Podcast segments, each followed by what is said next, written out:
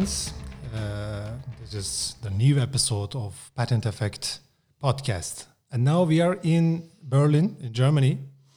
Uh, thank you for our uh, valuable friend, Arne Kruger.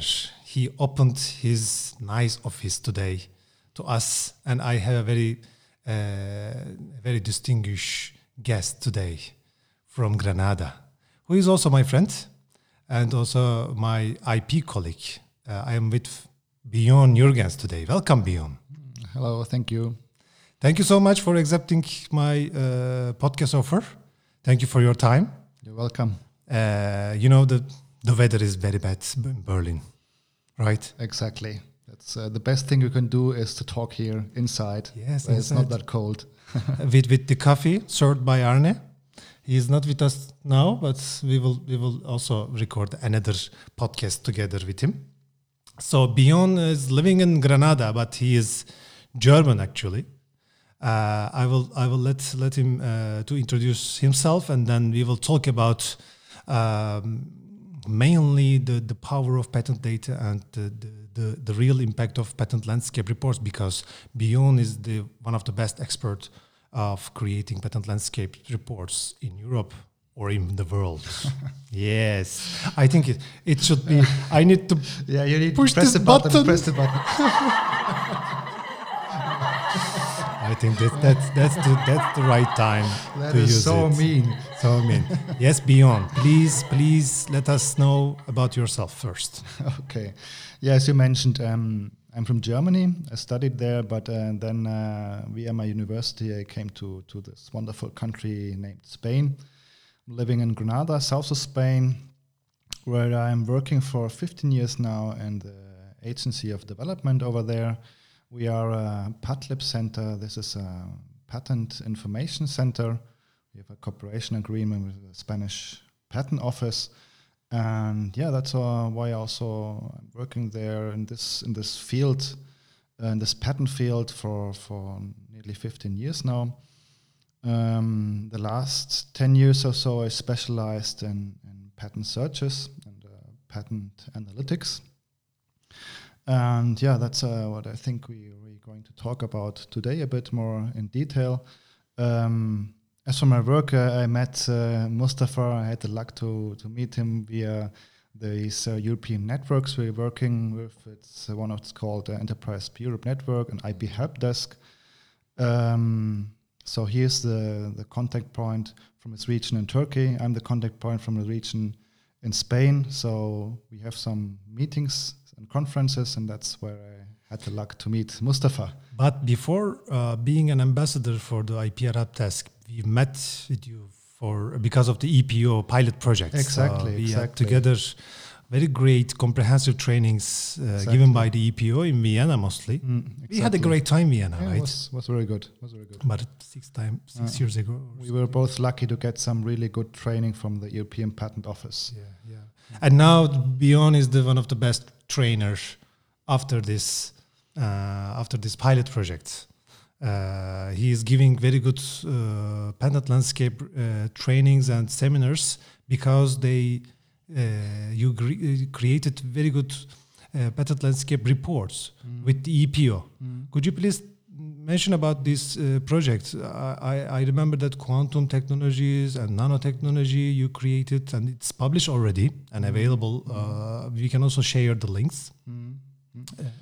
Um, yeah, actually, the, these technical uh, landscape reports we did it um, before that already.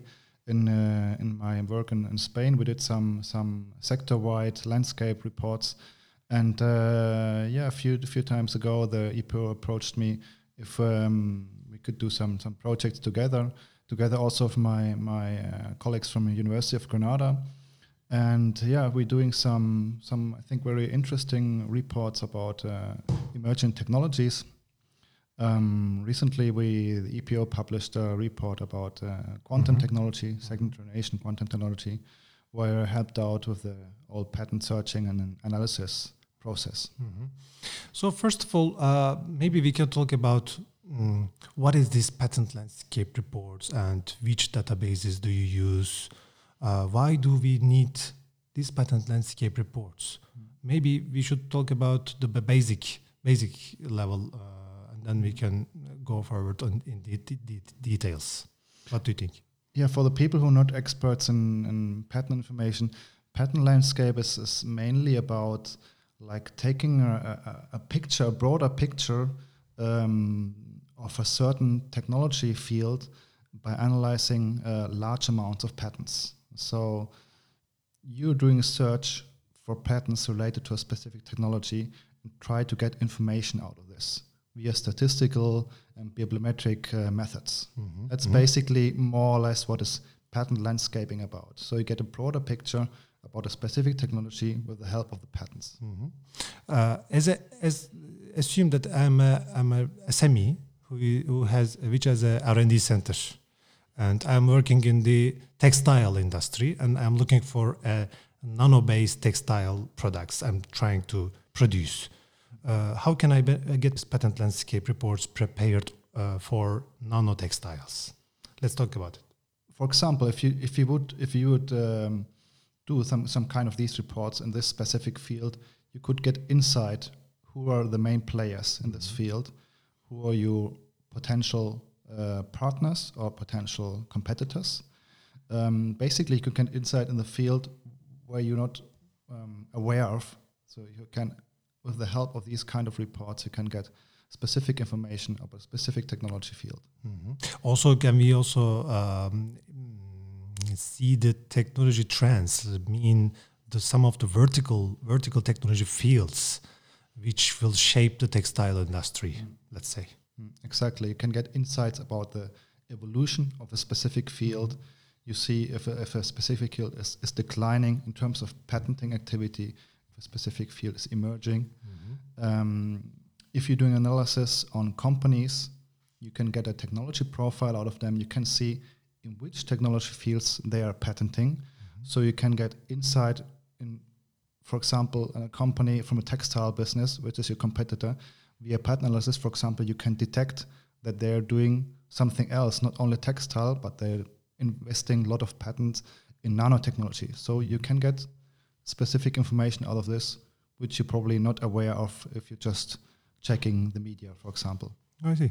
So uh, as I mm, um, noticed that the big corporates like Airbus and Boeing, Canon, Nikon, uh, the big boys, are uh, having their own IP professionals, and also I noticed that they have built new divisions. They call it IP analytics divisions. It's a it's a big vision, right?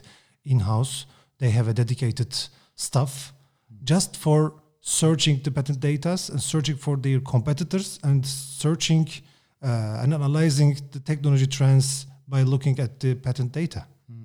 What do, you, what do you think? That's how, that's how you can tell that it's really an important field, an important thing to do. If you if you if you see the big companies, they have big departments dedicated only to this this kind of analysis. Mm-hmm. So that's why it's it's quite obvious then for for for small companies that it's it's a really important thing to do. Mm-hmm. Understandable, a small company SME they, they don't have the resources for many people doing analysis. So that's uh, quite important that they know how to get these reports, um, maybe subcontracting them or outsourcing it.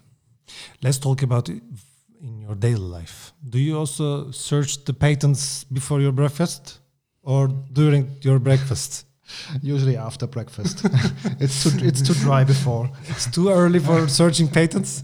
I always I always say the, say the the sentence in my uh, trainings because I love uh, patent searching.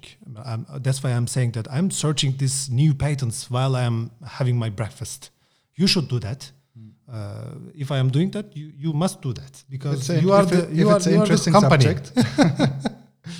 Should I push? No. okay, let's tell, talk about uh, the procedure of um, the patent landscaping process. Uh-huh. How do you how do you start, or what do you suggest to the people who are uh, trying to do it themselves them, themselves? Mm-hmm. Uh, choosing the right database, uh, using some techniques. Mm-hmm. Should they use the, the free of charge databases or what kind of uh, paid resources to use? What do you what do you think about it? Mm-hmm. Well, I can only I can only tell that the methodology we are using at our our work Uh, it doesn't have to be the, the best one, of course, but uh, at least uh, we we're doing it for a few years now, and it's it's going quite well. Um, we have a step by step approach. Um, if we're talking about a sector analysis of a specific technology, mm-hmm. at first thing we do, like in every scientific work, we do a, a, literature review. We have a look at what is there around already, similar patent reports, where you can get some information out of uh, search strategies, uh, keywords, and uh, general information about what is already there.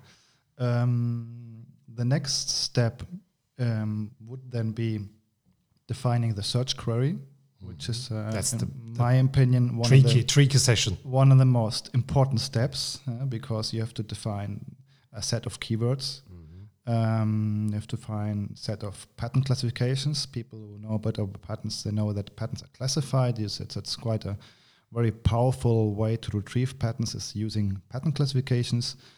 And um, yeah, but it's a bit tricky because um, usually you're not the expert in a specific field you're, you're analyzing. We are as a patent information specialist, we usually uh, more have a more generalist um, uh, approach. And so, so, if we, for example, doing a study about nanotechnology, we always look for people who are experts in this field who can provide us information about mm-hmm. relevant keywords and uh, also relevant classifications. In the case of the EPO studies, we were lucky that we got uh, input from the examiners from the EPO. Mm-hmm. So that's quite a powerful source, as you can understand. Yeah, mm-hmm. I'm I'm sh- I'm pretty sure that confident EPO uh, has very experienced examiners. Exactly, the because EPO they are uh, claiming that we are having the most uh, experienced mm. staff examiners in their field. Mm.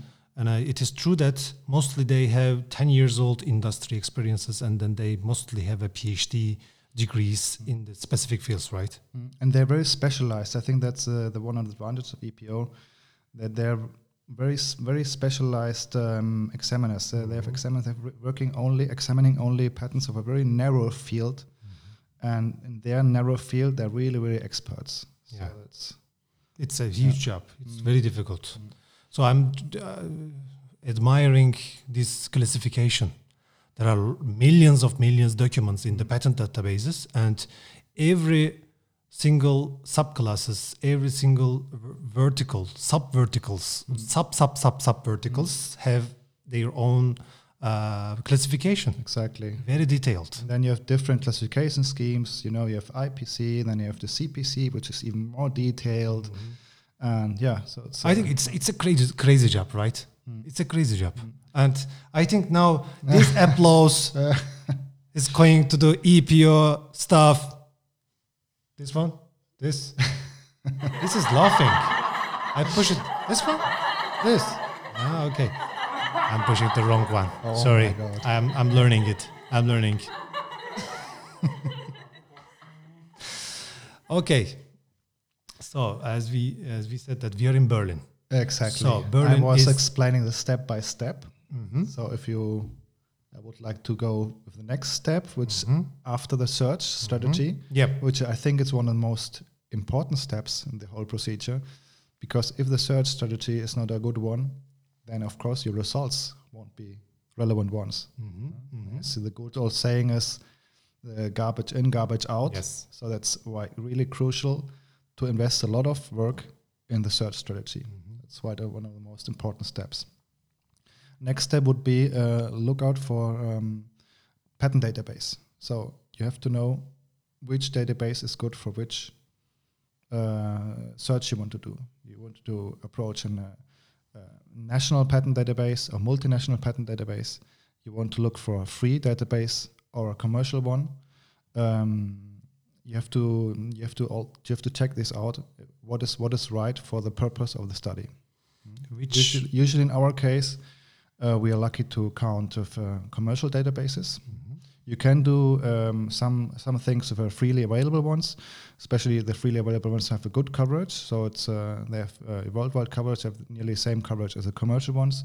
Difference is that the commercial ones they have far better features regarding analysis yes. features and also data cleaning features, which would be the next step in the procedure.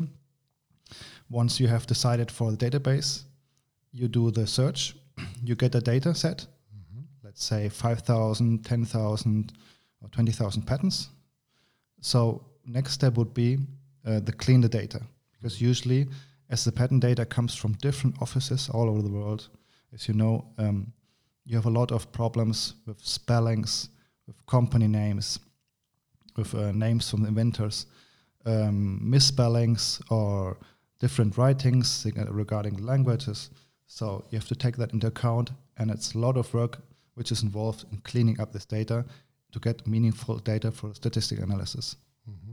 I think it's another important point to refining exactly the applicant names, exactly, exactly, inventor names, because applicant names also different. Um, specific case that, um, for example, big corporations like Siemens or Philips, you have lots of different name variations in the databases.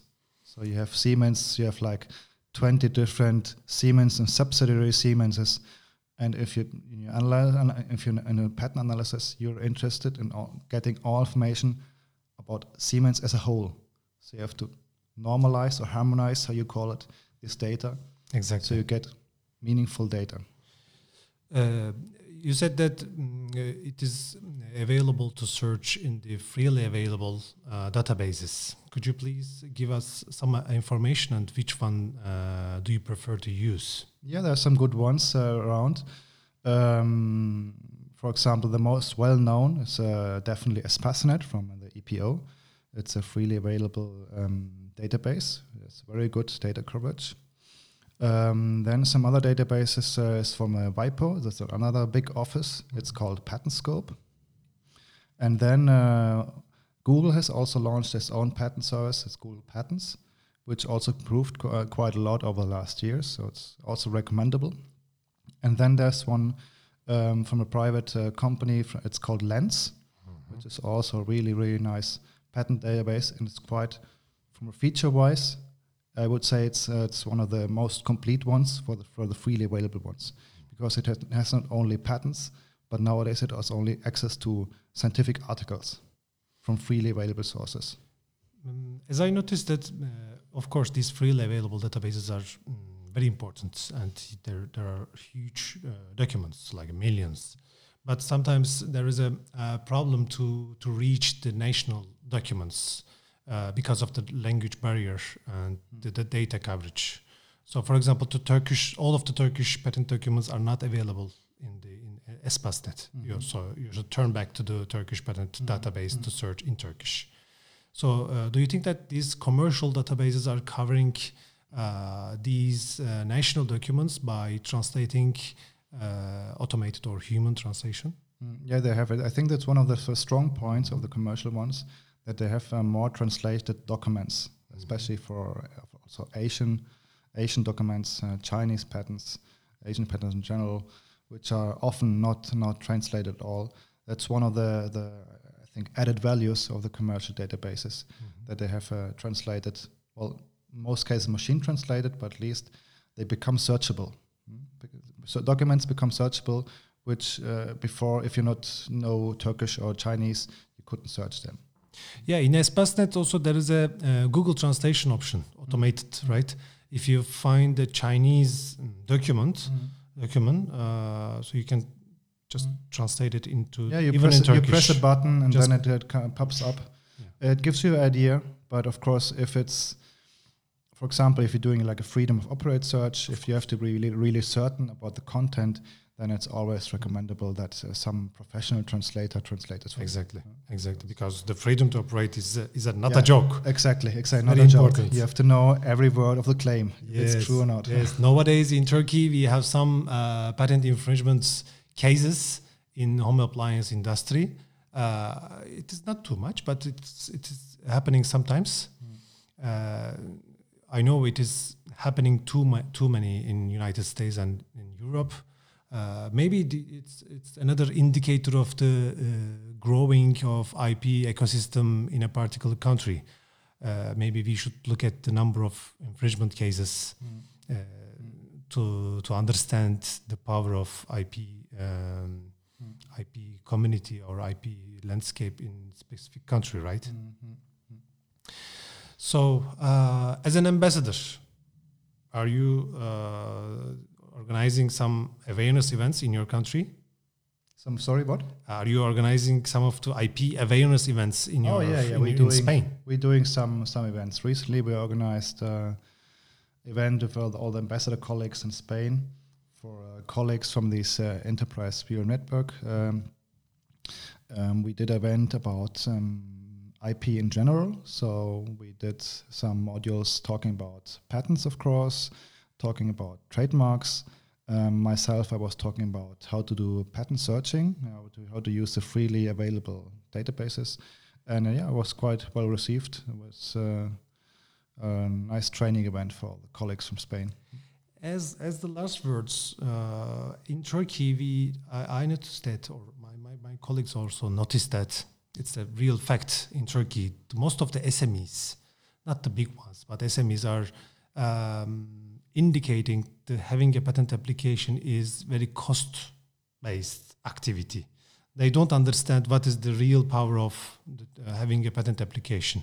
Is it the same, uh, or um, how is the situation in Spain? It's similar situation. Similar? You have to you have to really create the awareness. You have to create. Uh, you have to tell the, the, the small companies of the, of the importance that IP can have, not only for themselves, but only also for for how you say it. It's it's patent fencing to to have patents in order to avoid that competitors go into your market. Uh, that's really quite important thing to do.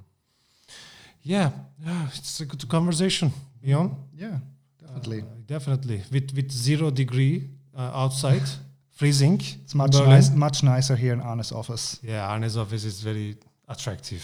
With with the meditation room, I really admiring to to be here. So Bjorn, thank you so much for being as guest in Patent Effect podcast. You're welcome. Uh, was my pleasure. My pleasure also, and uh, we will we will have some drinks after that podcast, right? Okay, we'll try to Ah, some Glühwein. some Berlin Glühwein. Exactly. Some Berlin Glühwein before the Christmas. Okay, thank you so much, Bjorn. Okay. Bye. See, see you then. Bye. And let me close the session. So, dear Patent Effect Podcast fellows, uh, this is the episode from Berlin. We were together with Bjorn Jurgens from Granada, from Spain. Uh, we discuss about the patent landscape reports and what is the, uh, the real impact of um, the patent information. And you can also uh, follow us as Patent Effect uh, through the Twitter and LinkedIn, and you can also listen this episode, this podcast, through Spotify, Apple Podcast, and Google Podcast. Also, you can follow patenteffect.com to search all the episodes uh, published. See you next episode. Bye bye.